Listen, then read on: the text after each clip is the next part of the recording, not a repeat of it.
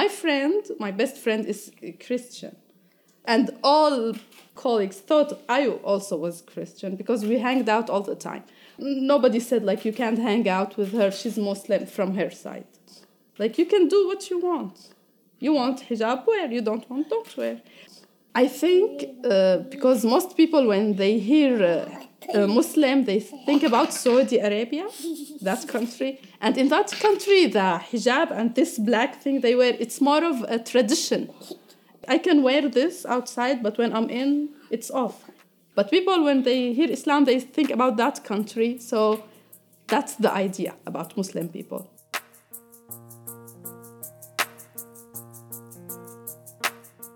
Du 2017 sausio 29. Kanadoje, Kvebeko miesto mečetėje, tądien nušauti šeši žmonės. Dar penki rimtai sužeisti. Visi jie buvo musulmonai. Atakos metu jie meldėsi. Tai buvo didžiausia teroro ataka Kanadoje per du dešimtmečius. Įtariama, kad ją įvykdė 27 metų kanadietis studentas. Kovo įvyksio teismo procesas.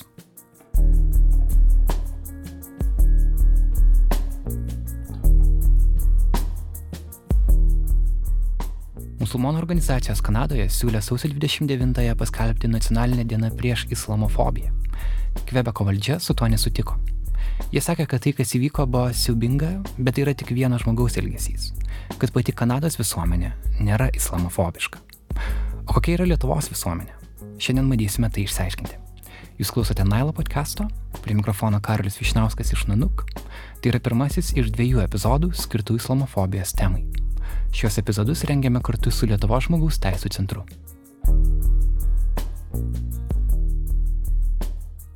Mes įpratom girdėti, kaip teroristai save laikantis musulmonais atakuoja vakarų gyventojus, bet mažiau žinome apie priešingą reiškinį - islamofobiją arba musulmonų baimę. Dažnai islamofobija ir yra teroro atakų padalinys. Pavyzdžiui, po Charlie Hebdo redakcijos susprogdinimo 2015-aisiais Paryžioje, atakos prieš musulmonus Prancūzijoje kurį laiką buvo išaugusios net 500 procentų. Metai po to dalytame tyrime 61 procentas apklaustų Vokietijos gyventojų teigia, kad islamui tiesiog nėra vietos vakarų kultūroje. O JAV prezidentas Donaldas Trumpas pernai pasirašė įsakymą, draudžiant į Ameriką atvykti žmonėms iš septynių šalių, kuriuose dauguma gyventojų yra musulmonai.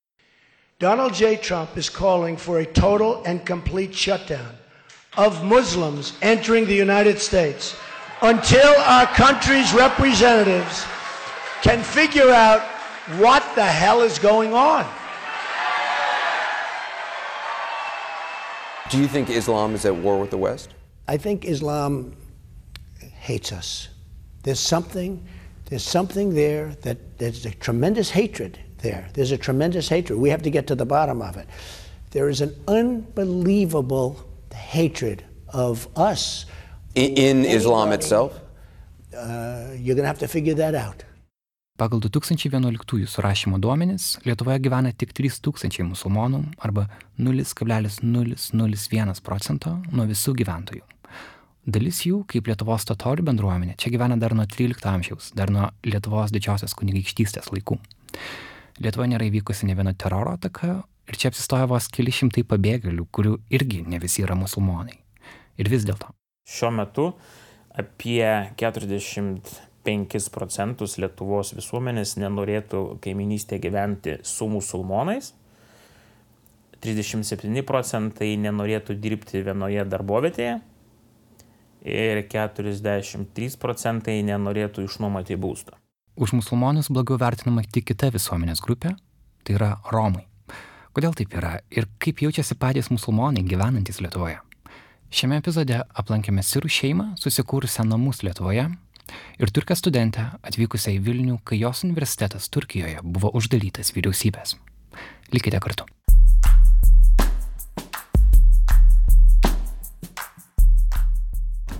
Atsiprašau už vėlavimą.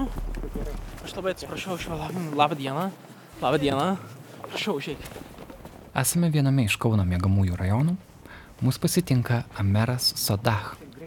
Jis ką tik trumpam grįžo iš darbo Raudonajame kryžiuje, kur dirba kaip kuratorius. Tai gerai, viskas normaliai, va čia. Prašau.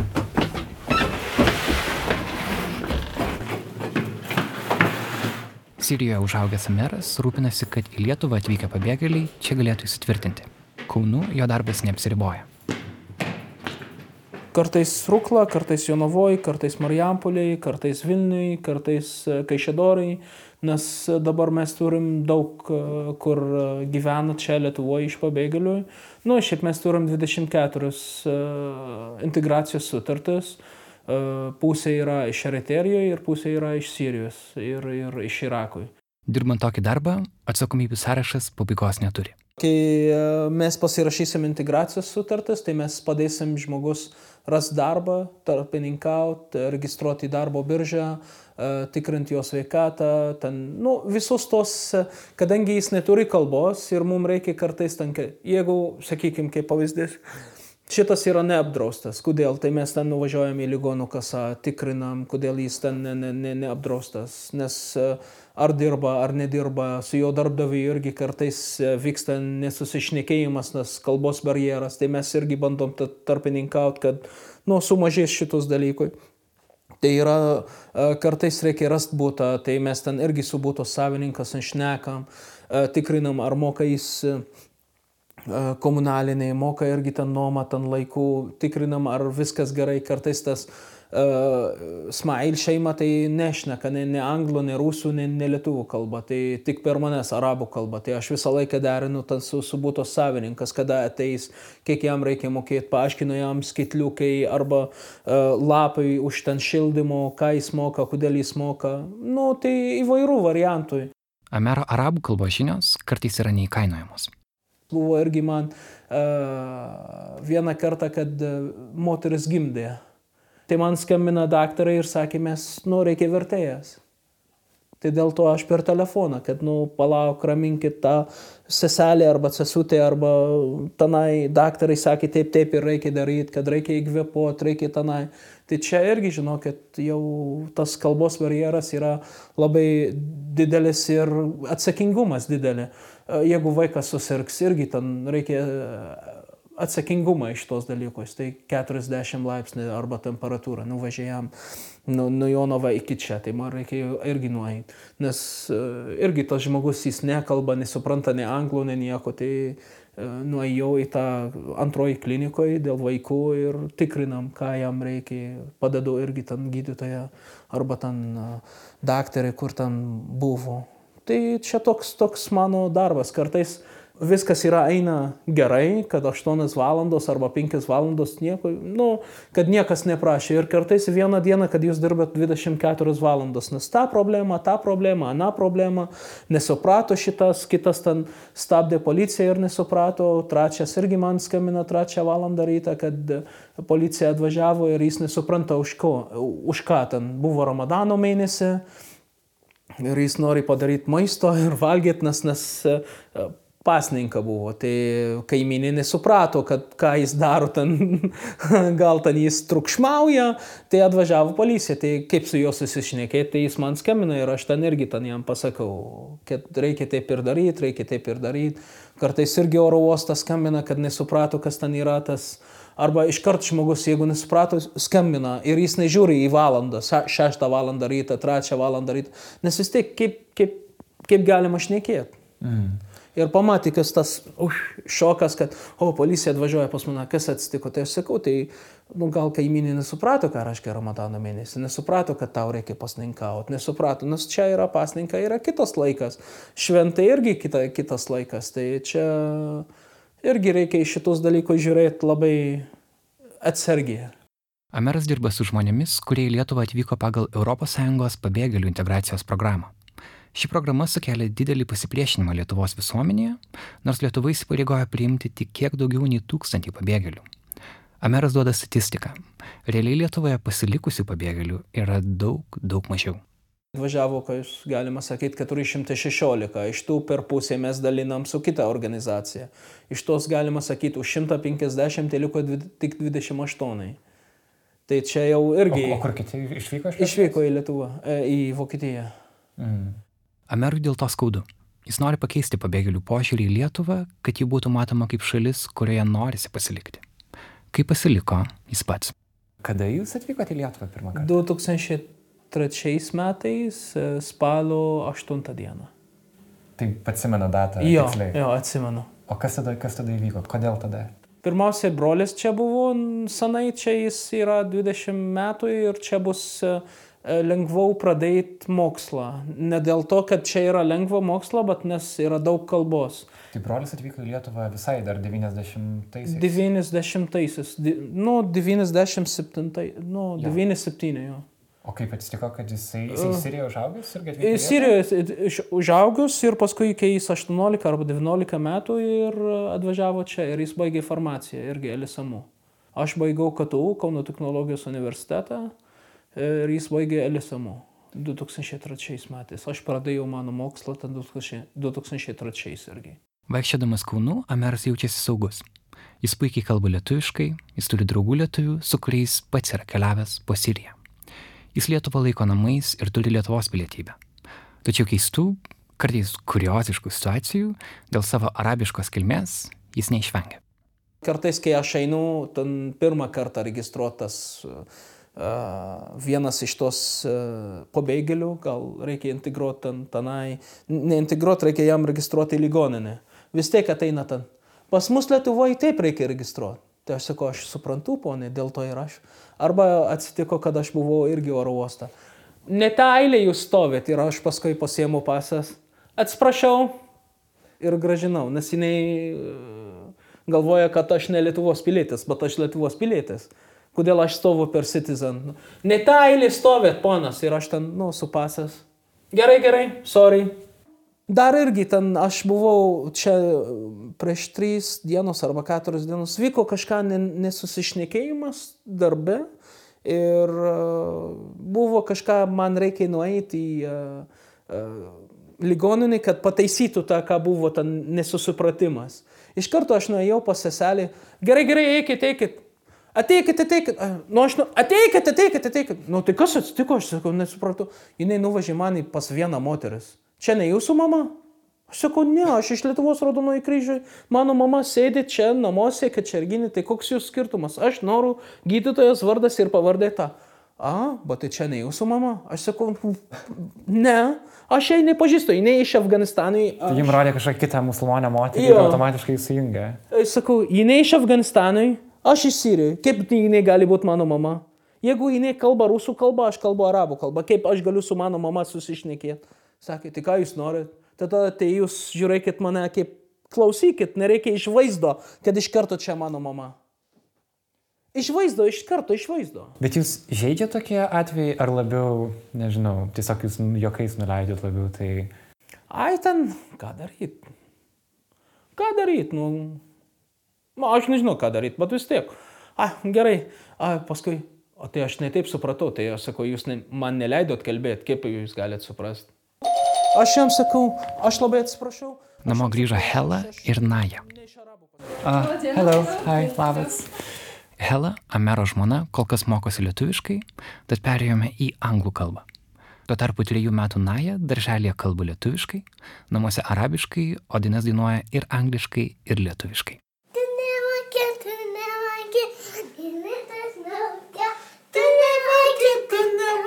Padaryk iš naujo. Čiūži labai pėkiama. Naja jau yra Lietuvos pilietė. Tu nemoki, tu nemoki. Ką tu dar moki dainuoti? Argi tokia. Daryk. Šitaip šokam. Argi tokia. Ir ta pati tokia. Ir paskui. Kitokia. Naja, naja, palauk, palauk. Viskas gerai, viskas gerai. Naja šoka tiek, kad atsitrenkė į spintą. Laiminės skaučiai. Viskas gerai, neįti, viskas gerai. And when you are uh, at home, you're talking in, in uh, Arabic language? Yes. With, But, with uh, Naya, I'm speaking in Lithuanian. Yeah, he speaks Lithuanian with Naya separately, alone. I sometimes speak English with her, but mostly Arabic. When did you arrive to Lithuania? Uh, like about a year and a half. I finished my university studies while the war was happening. I worked like i'm not gonna say life is normal but people who live there sometimes get used to it and So also in, in which city did you did Damascus. you live? Damascus. So Damascus is, is safer than Uh, other parts of Syria. Actually, some parts. Yes, the part I lived in, yes, it was safer, but I can't say all about Damascus. It's uh, not really, you know, something I would say that it's safe. And how is for you coming here to uh, to Kaunas? Because it's even the weather It's is it's, it's, it's, it's a bit colder. yeah, that's uh, like the main thing. Yeah, it's nice, nice city, but you know, the weather, yeah, it took me a while to get used to the cold. I'm not gonna say that I'm used to it now, but yeah. Hela Damaskė baigė farmacijos studijas, tačiau kad galėtų dirbti šį darbą Lietuvoje, ji turi gauti patvirtinimą, kad jos diplomas atitinka europietišką standartą. Ji tikisi, kad greitai pavyks tai padaryti. Kol kas ji koncentruojasi į rūpestį Nają, kad ir dabar jos abi grįžo iš vaikų darželio, Naja ten yra vienintelė arabė. And how is it uh, going there? Because I guess she's the only one uh, Arabic uh, girl in. Uh, Yeah, but since they spoke Lithuanian at first, so it's not really hard for her. And I don't know, she really fit in so quickly. Maybe when uh, kids are so young, they just don't care. Yes, yes, I think so. like we, we tried actually i tried with her a lot like to speak like five months before the kindergarten uh, then uh, for sure like in kindergarten the, the ladies or like her her teacher like they are speaking the kids they they ma- managed more than me because i'm just speaking with her maybe two hours three hours per day when i'm after work. But now it seems like when she speaks with me i see like there is a progress because of her language. Like five like four months right now and like she she's she's really having good progress in kindergarten Grįžtu prie statistikos, kad 44 procentai Lietuvos gyventojų sako, jog nenorėtų turėti kaimyno musulmono. Helai ir Amerui pasisekė. Jų kaimynai nėra vieni jų. Kita vertus, nėra žinoma, kiek į šį apklausą atsakiusių žmonių iš ties yra turėję kaimynus musulmonus. Like our neighbor she likes her a lot like old lady she's all the time like speaking with her and like my, my, my wife she's okay okay Yeah, I try to be nice. yeah and then like she's bringing her like some stuff uh, Yeah. honey The uh, neighbors are nice. Yeah, they try to speak with me. I try as much as I can understand. Be to, kaip ir dažnai nutinka Lietuvos daugiabučiuose, kaimynai vieni kitų tiesiog nepažįsta. After two years renting here i met like our neighbor downstairs. Yeah, so and we we figured out that it's she's living and she's like she having uh, even like one daughter not daughter like a girl like sh- student and she's working as well. So like we we th- we thought that town uh, it's empty. So that's why we are even letting naya having fun Yeah, you know jumping, jumping. And we, we thought that it's empty. Then when i asked her do you like our daughter she's like disturbing you she said i know i'm working four days and four days i'm going to my father and i don't think that i thought that you are not living as well Labai gali būti, kad ir Helas, ir Amero kaimynai tiesiog nežino, kad greta jų gyvena musulmonų šeima, kaip ir jie patys nežino, kas yra jų kaimynai. Hela nedėvi jokio galvos apdangalo, daugelio akise ji nebūtų matoma kaip musulmonė. no, I'm not hijab. Like my sister wears hijab, my mom wears, his mom wears hijab. I chose not to wear hijab.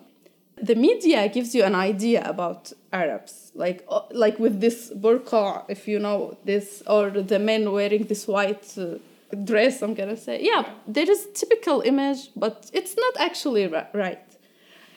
Hela nepatyrė jokio spaudimo iš savo šeimos ar giminaičių dėvėti hijabą.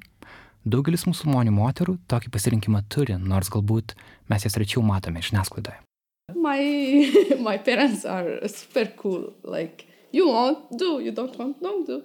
I think now most families are like that. It's not the idea that oh, like Arabs are so like monsters. They force women to like stay at home, blah blah blah. No, it's not like that.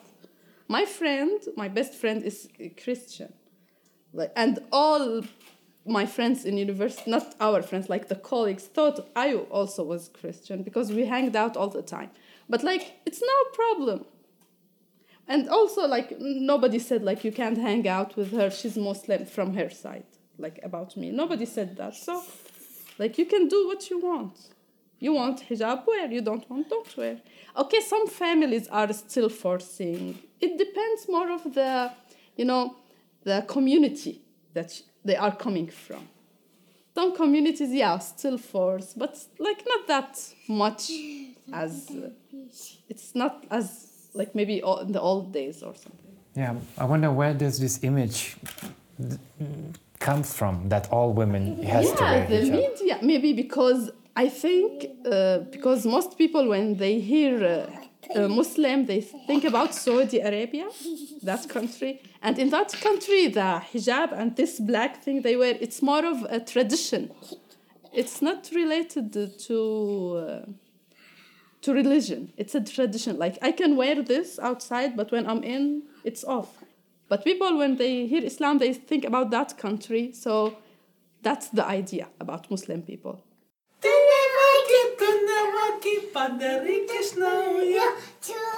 La la be pequena. Tinklalapyje Naila.lt pamatykite Amero, Helos ir Najos šeimos nuotraukas. Jų autorė yra nanuk fotografė Severina Venskutė.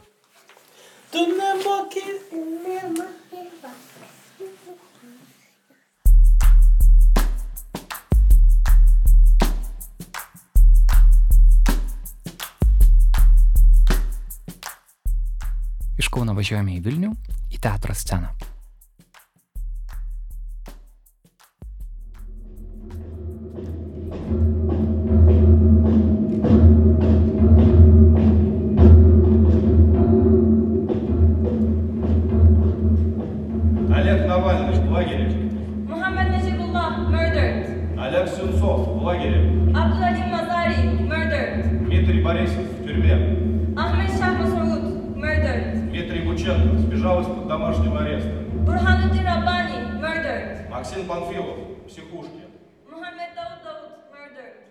Aš esu Feiza, aš esu studentė Александр Соколов. e, Gediminas technikos universitete. Сергей Мохнаткин в лагере. Antrą kursą. Taip, a- antras kursas. Aš nežinau, kaip pasakyti, bet taip. Кирилл Барабашев в тюрьме. Mevlana Sayyid Ali murdered. Алексей Политик в тюрьме.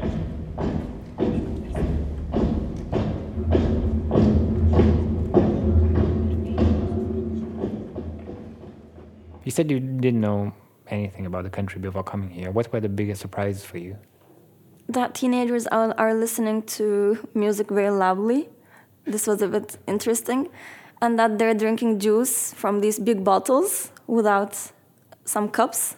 And that people are really, really shy and cold. I cannot believe it. Like, you can see teenagers sitting without even looking to, to each other's faces. They're just having their mobile phones and that's it. Like, they're not laughing. In, in Turkey, if you go to university, you cannot sit there and read a book. But here in the buses, I can read a book. It's like library. this is really good, but weird at the same time. Iki atvykdama į Vilnių, Feiza niekada nebuvo vaidinusi. Dabar ji yra nacionalinėme dramos teatre rodomo spektaklio Dreamland aktorė. Nekalbantiems angliškai, Feiza žodžius išversime į lietuvių kalbą straipsniuose, kurie vėliau pasirodys tinklalapyje monoteisės.lt. Jeigu nenorite girdėti interviu originalo kalba, galite prisukti iškart į trečiąją šio epizodo dalį, kur kalbame su sociologu Karoliu Žybu. Dreamland yra netipinis spektaklis. Jo žanras yra dokumentinis teatras. Scenoje matome penki žmonės, kurių kiekvienas Lietuvoje atsirado ne savo noru. Bet kiekvienam jų Lietuva tapo prieglopšio vieta. Feiza Vilniaus Gedimino technikos universitete studijuoja verslo vadybą. Jie atvyko į Vilnių, kai sužinojo, kad jos universitetas Turkijoje uždaromas dėl politinio sprendimo. It was a bit risky for me not being able to continue my studies because many students' scholarships were cancelled. And some of them, they couldn't even be replaced to other universities. So, yeah, I was afraid of some similar things. And because my education is above everything, I had to do something at this point. Turkijos autoritarinė valdžia pernai uždarė 15 universitetų ir 1000 privačių mokyklų. Feizos universitetas buvo uždarytas rugsėjai, kai paraiškų procesas į kitus Europos universitetus jau buvo baigtas.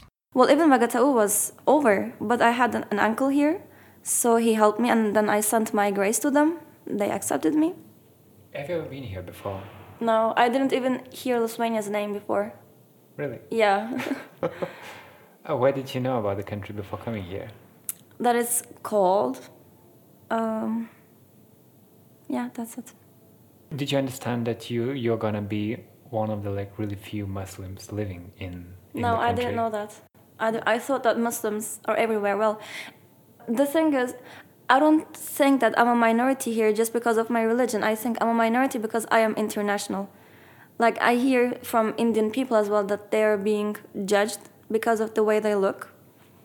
So I didn't know that Lithuania doesn't have that few amount of international people. Like, if there were other uh, people from some other countries, I don't think I was going to be from these minority groups. Yeah, but since not so many different people, we come into people's eyes more. They notice us more as Muslims. And how do they react? Is it like a curious reaction? Is it a friendly reaction or more like suspicious reaction? Well, it depends on how you see and how your perspective is. For example, last year, I thought like people are looking at me just because they're afraid and they're not willing to talk to me. But this summer, when I worked in the international office of the university, I had to stay here during the summer. So I was meeting different kinds of people. And then I changed my perspective and then I said, Faiza, these people are looking at you just because you're different and they're trying to understand you more. Because the only Muslim people they see is from the television, it's from the media. So whenever they see a Muslim girl wearing hijab, a real Muslim girl, in front of their eyes, they're looking like this is so normal. If I wear them, I would have done the same, to be honest. Do you identify yourself as a Muslim? Yes, I do. What does it mean? To be a Muslim. What does it mean to you? Yeah. Well, in my perspective, religion shows the way you behave and the way you act to people, and as in our religion, the way you dress. So, my religion describes the way I interact with people and my hijab as well. So, when I say I'm a Muslim, I think people just think that because I'm wearing the hijab, so it's, it's not hard for, hard for people to say that I'm a Muslim. Feiza yra iš tų žmonių, kuriai religija yra labai svarbi. Jie padeda nesusidurti su viena dažniausių šiandienos jaunų žmonių lygų - depresija.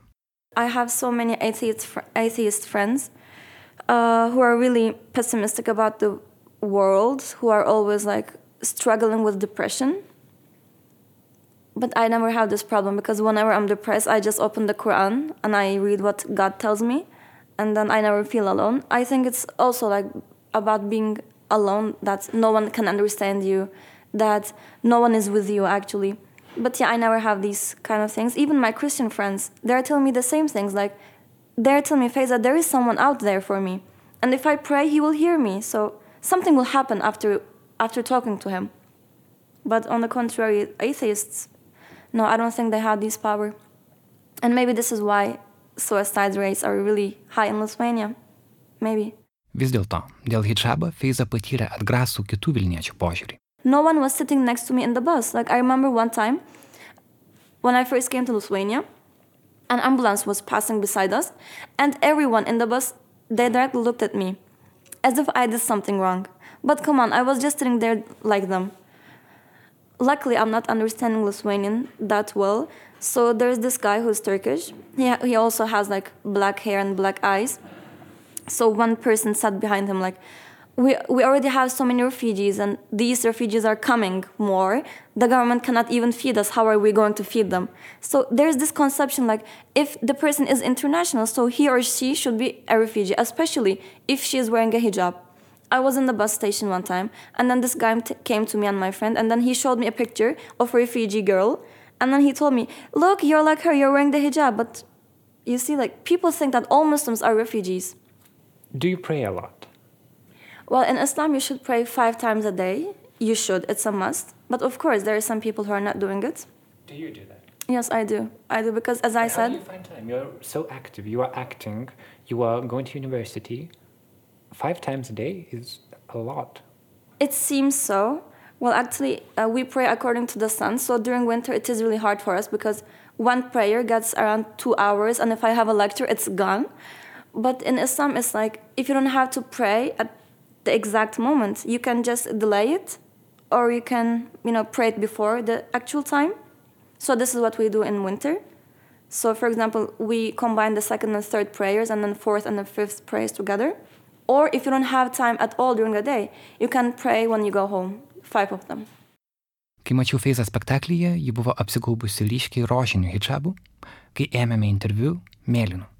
Iš viso ji turi virš dešimties skirtingų spalvų hijabų. I wear different colors according to the mood I am, according to weather. Yeah. When I first came to Lithuania, Today uh, you're wearing uh, the blue one.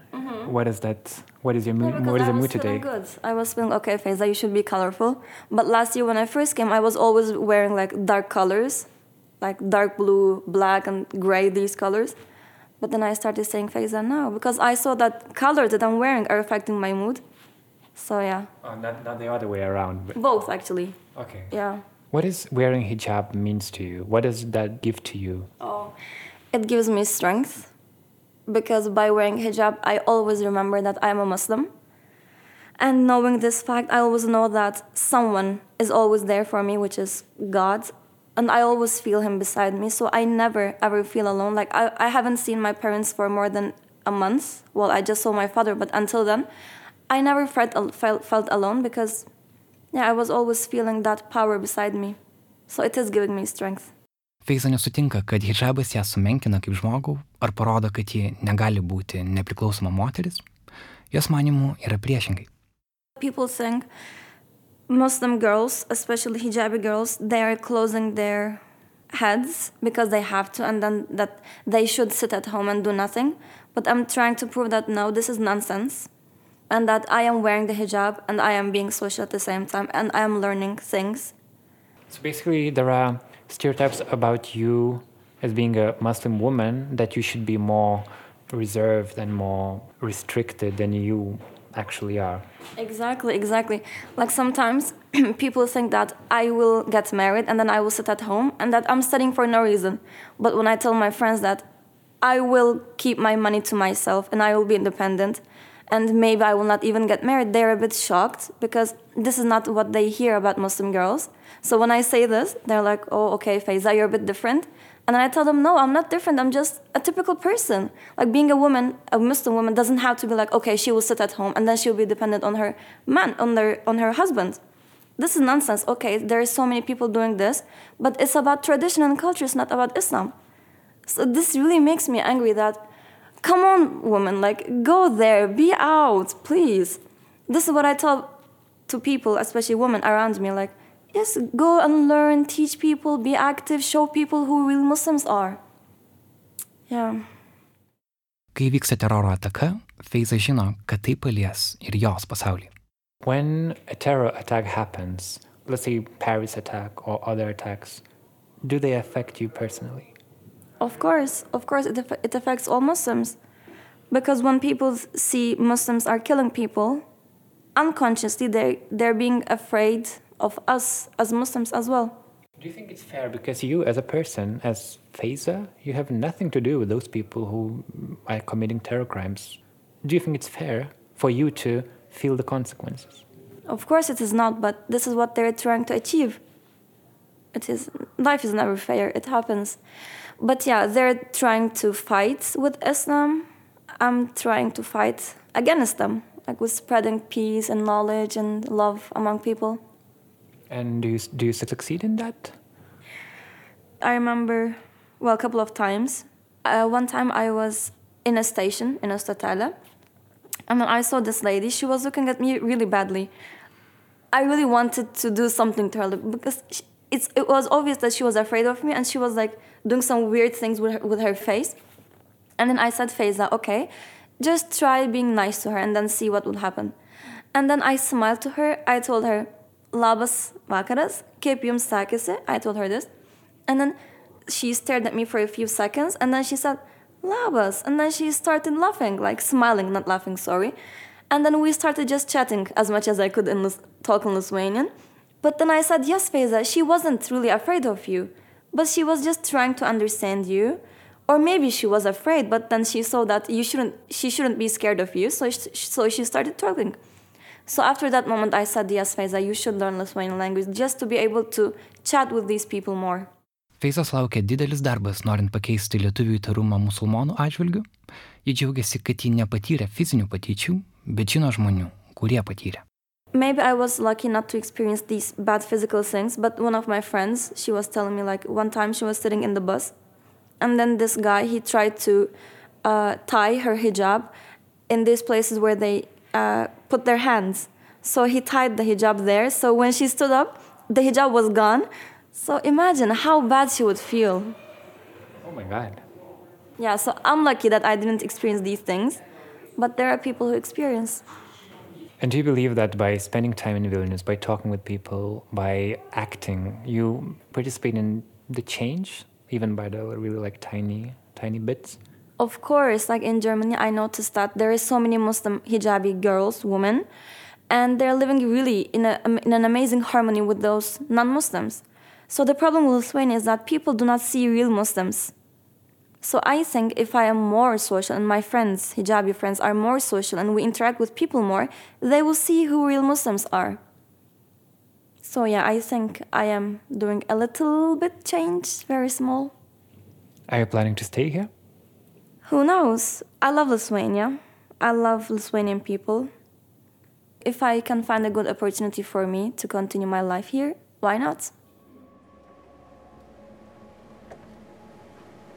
My name Feyza means winner in Arabic. I call myself Turkish, Muslim, hijabi, future activist, student, peace builder, travel addict. But in the university, I'm the Muslim girl whose, whose name is hard to remember. And on the street, it's terrorist, oppressed, closed minded. Whereas on television, it is ISIS, jihadi, suspect, radical. Feizos nuotraukas iš Dreamland spektaklio užkulisių taip pat raskite Naila LT tinklalapyje. Šių nuotraukų autorius yra Artūras Morozovas.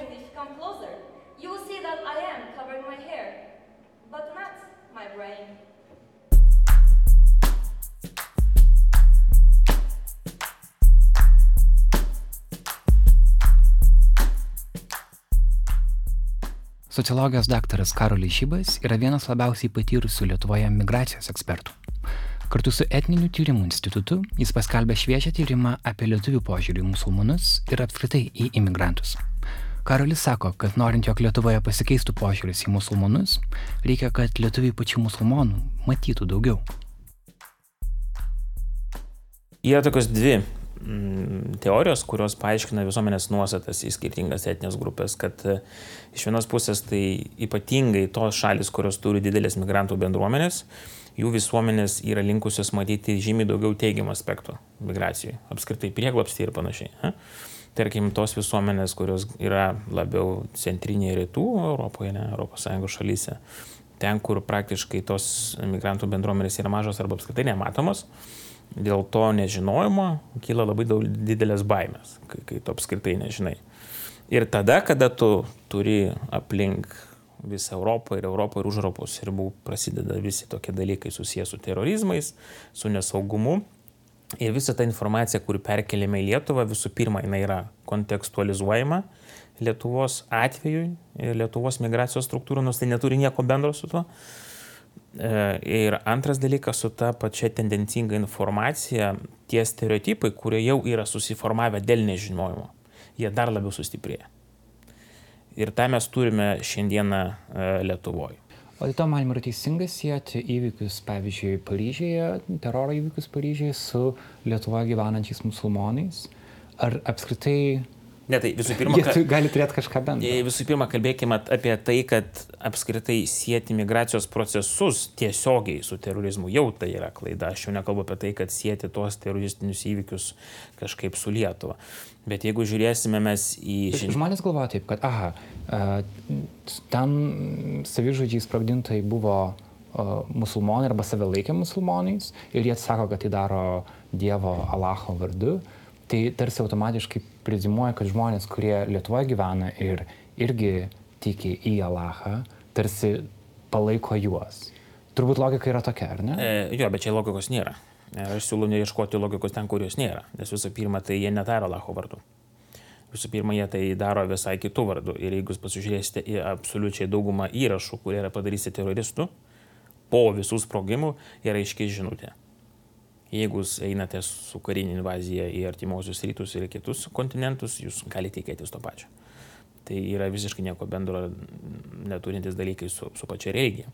Bet aišku, labai paprasta sieti tai su religija, nes e, visi arabų pavasarį ir visa kita, tai ir visas, visa ginklų, prekyba ginklais iš Europos ir JAV į Afriką ir artimuosius viduriniosius rytus, tai yra nekas kita, kaip priežastis to, ką mes šiandieną čia turim Europos Sąjungoje. Tai vėlgi, tai labai lengva pasakyti, kad tai yra daroma Alacho vardu, bet ten nemanau, kad net ir reikėtų gilesnės analizės, jeigu pasižiūrėtumėm labai didelę dalį mm, tų, sakykime, įrašų vaizdo, kurie buvo daryti po arba prieš, tai yra labai aiškus grasinimai susiję su visai kitais dalykais. Žodžiu, atsakymas yra politikoje, teroro aktų, o ne, o ne religijoje.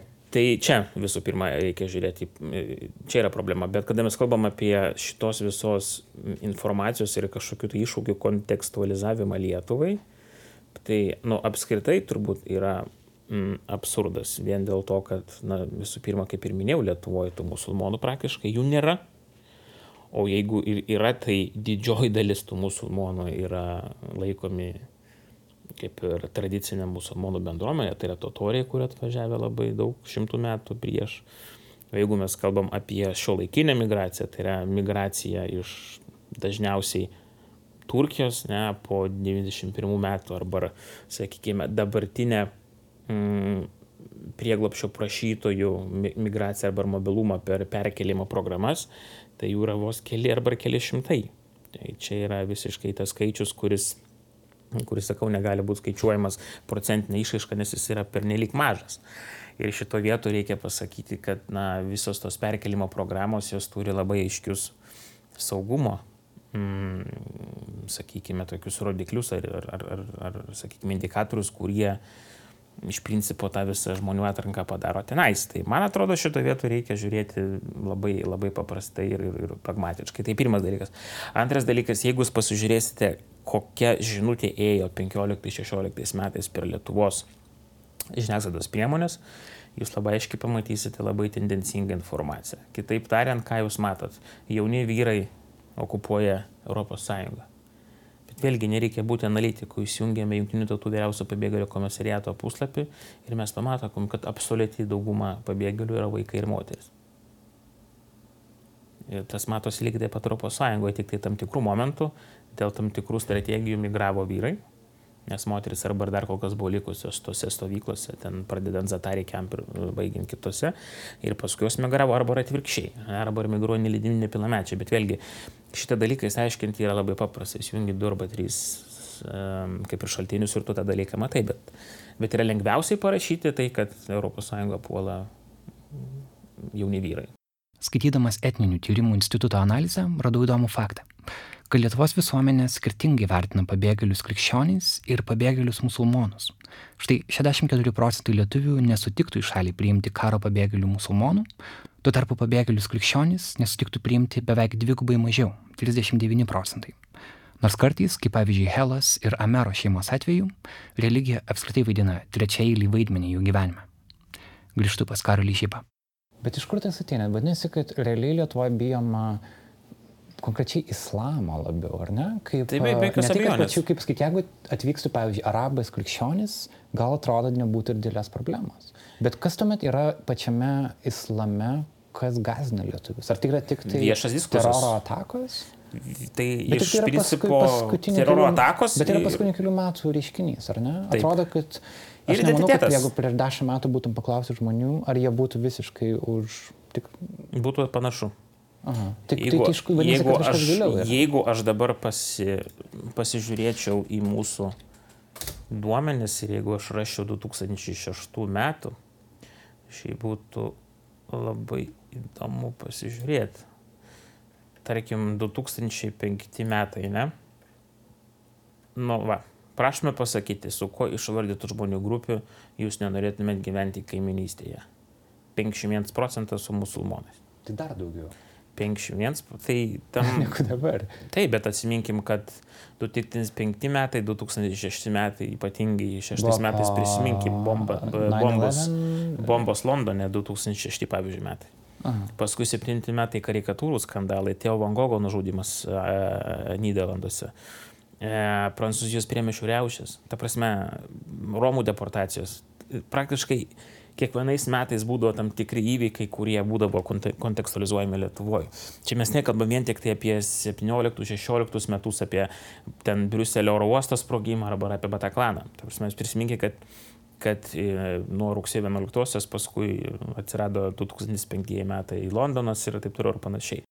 Karolis džiaugiasi vienu, kad neigiamos nuostatos musulmonų atžvilgių Lietuvoje bent jau kol kas nepereina prie veiksmų.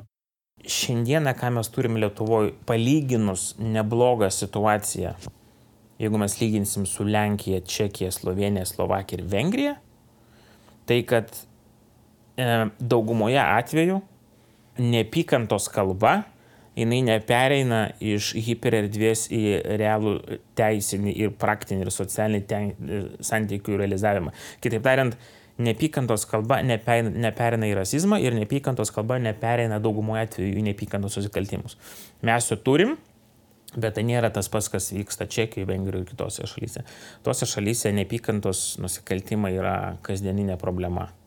Ir ten mes iš tikrųjų matom, kad tie žmonės, kurie dirba ypatingai prieglapščio arba pabėgėlių integracijos rytyje, jie labai dažnai gauna grasinimus net ne į savo darbovietę, bet į savo asmeninius adresus.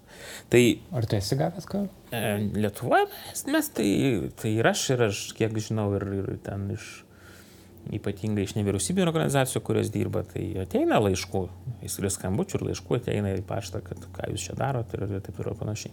Bet gatvė vaikščiodamas jauties saugus. Ne, aš tai dėl to aš, aš apskritai jaučiuosi saugus, bet dėja, sakau, užsienio šalyse mes jau matom, kad tas e, e, vadinamas hate speech perina į hate crime. Tai man atrodo, šiandien mes dar kol kas kalbame apie, apie didžiąją dalimi prielaidas, bet iš tikrųjų islamofobija yra, yra kažkas tokio, į ką reikia atkreipdėmėsi, nes jeigu jūs paimsit e, elementarų, sakykime, socialinės žiniasklaidos arba Facebook'o aspektą, tai va, ten jau yra problema, nes ten mes matom, kad e, kai tam tikras straipsnis perkeliamas iš kažkokio tai mainstreaminio žiniasklaidos kanalo į, e, į Facebooką, jau tada po to, sakykime, postui mes jau matom, kad ten jau prasideda tikroji neapykantos kalba.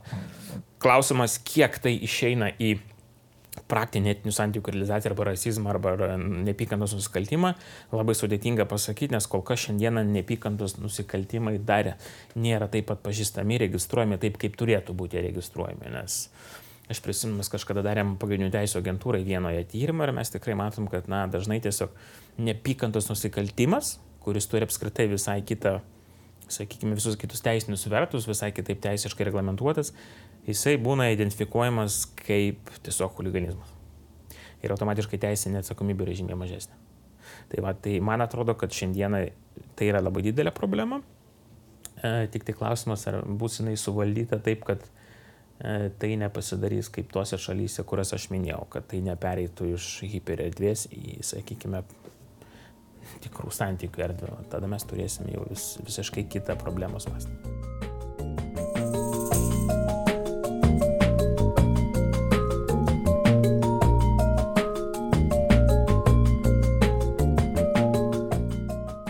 Su Karoliu Žybu kalbėjomės apie migraciją išeidami iš islamofobijos ribų. Į šį epizodą pateko tik maža dalis mūsų interviu. Vėliau norėsime pasidalinti pilną interviu su mūsų Patreon rėmėjais ir tais klausytojais, kurie podcast'o klausosi per aplikaciją telefone. Kviečiam jūs tai padaryti, tiek prisidėti prie mūsų Patreon kampanijos. Adresas yra patreon.com pasvirasis brūkšnys, nanuk multimedia, kaip vienas žodis. Ir taip pat kviečiame užsiprenumeruoti Nailo epizodus savo telefono podcast'o aplikacijoje, kad ir kokį telefoną ar kokią aplikaciją naudojate.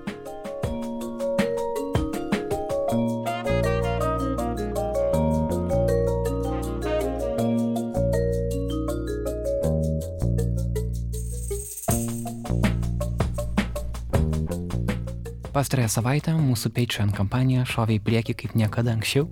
Prie jos prisijungė net 35 nauji klausytojai. Ačiū jiems visiems, leiskite juos išvardyti ir jums.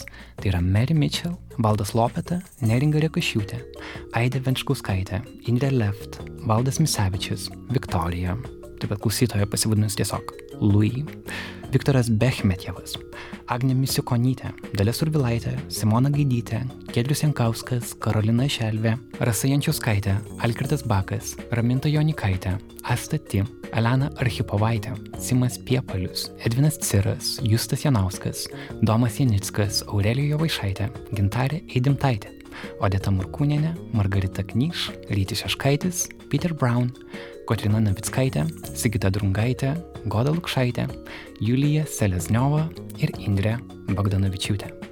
Ačiū Jums visiems nuo visos Nailo podcast'o komandos. Nailo muzikos autorius yra Martinas Gailius, o mūsų garso redaktorė yra Kata Bitoft. Šį epizodą vedžiau ir redagavau aš Karolis Višnauskas. Jį pristato Lietuvos žmogaus teisų centras. Nailo podcastą kuria multimedijų agentūra Nanuk. Greitai sustiksim. Iki.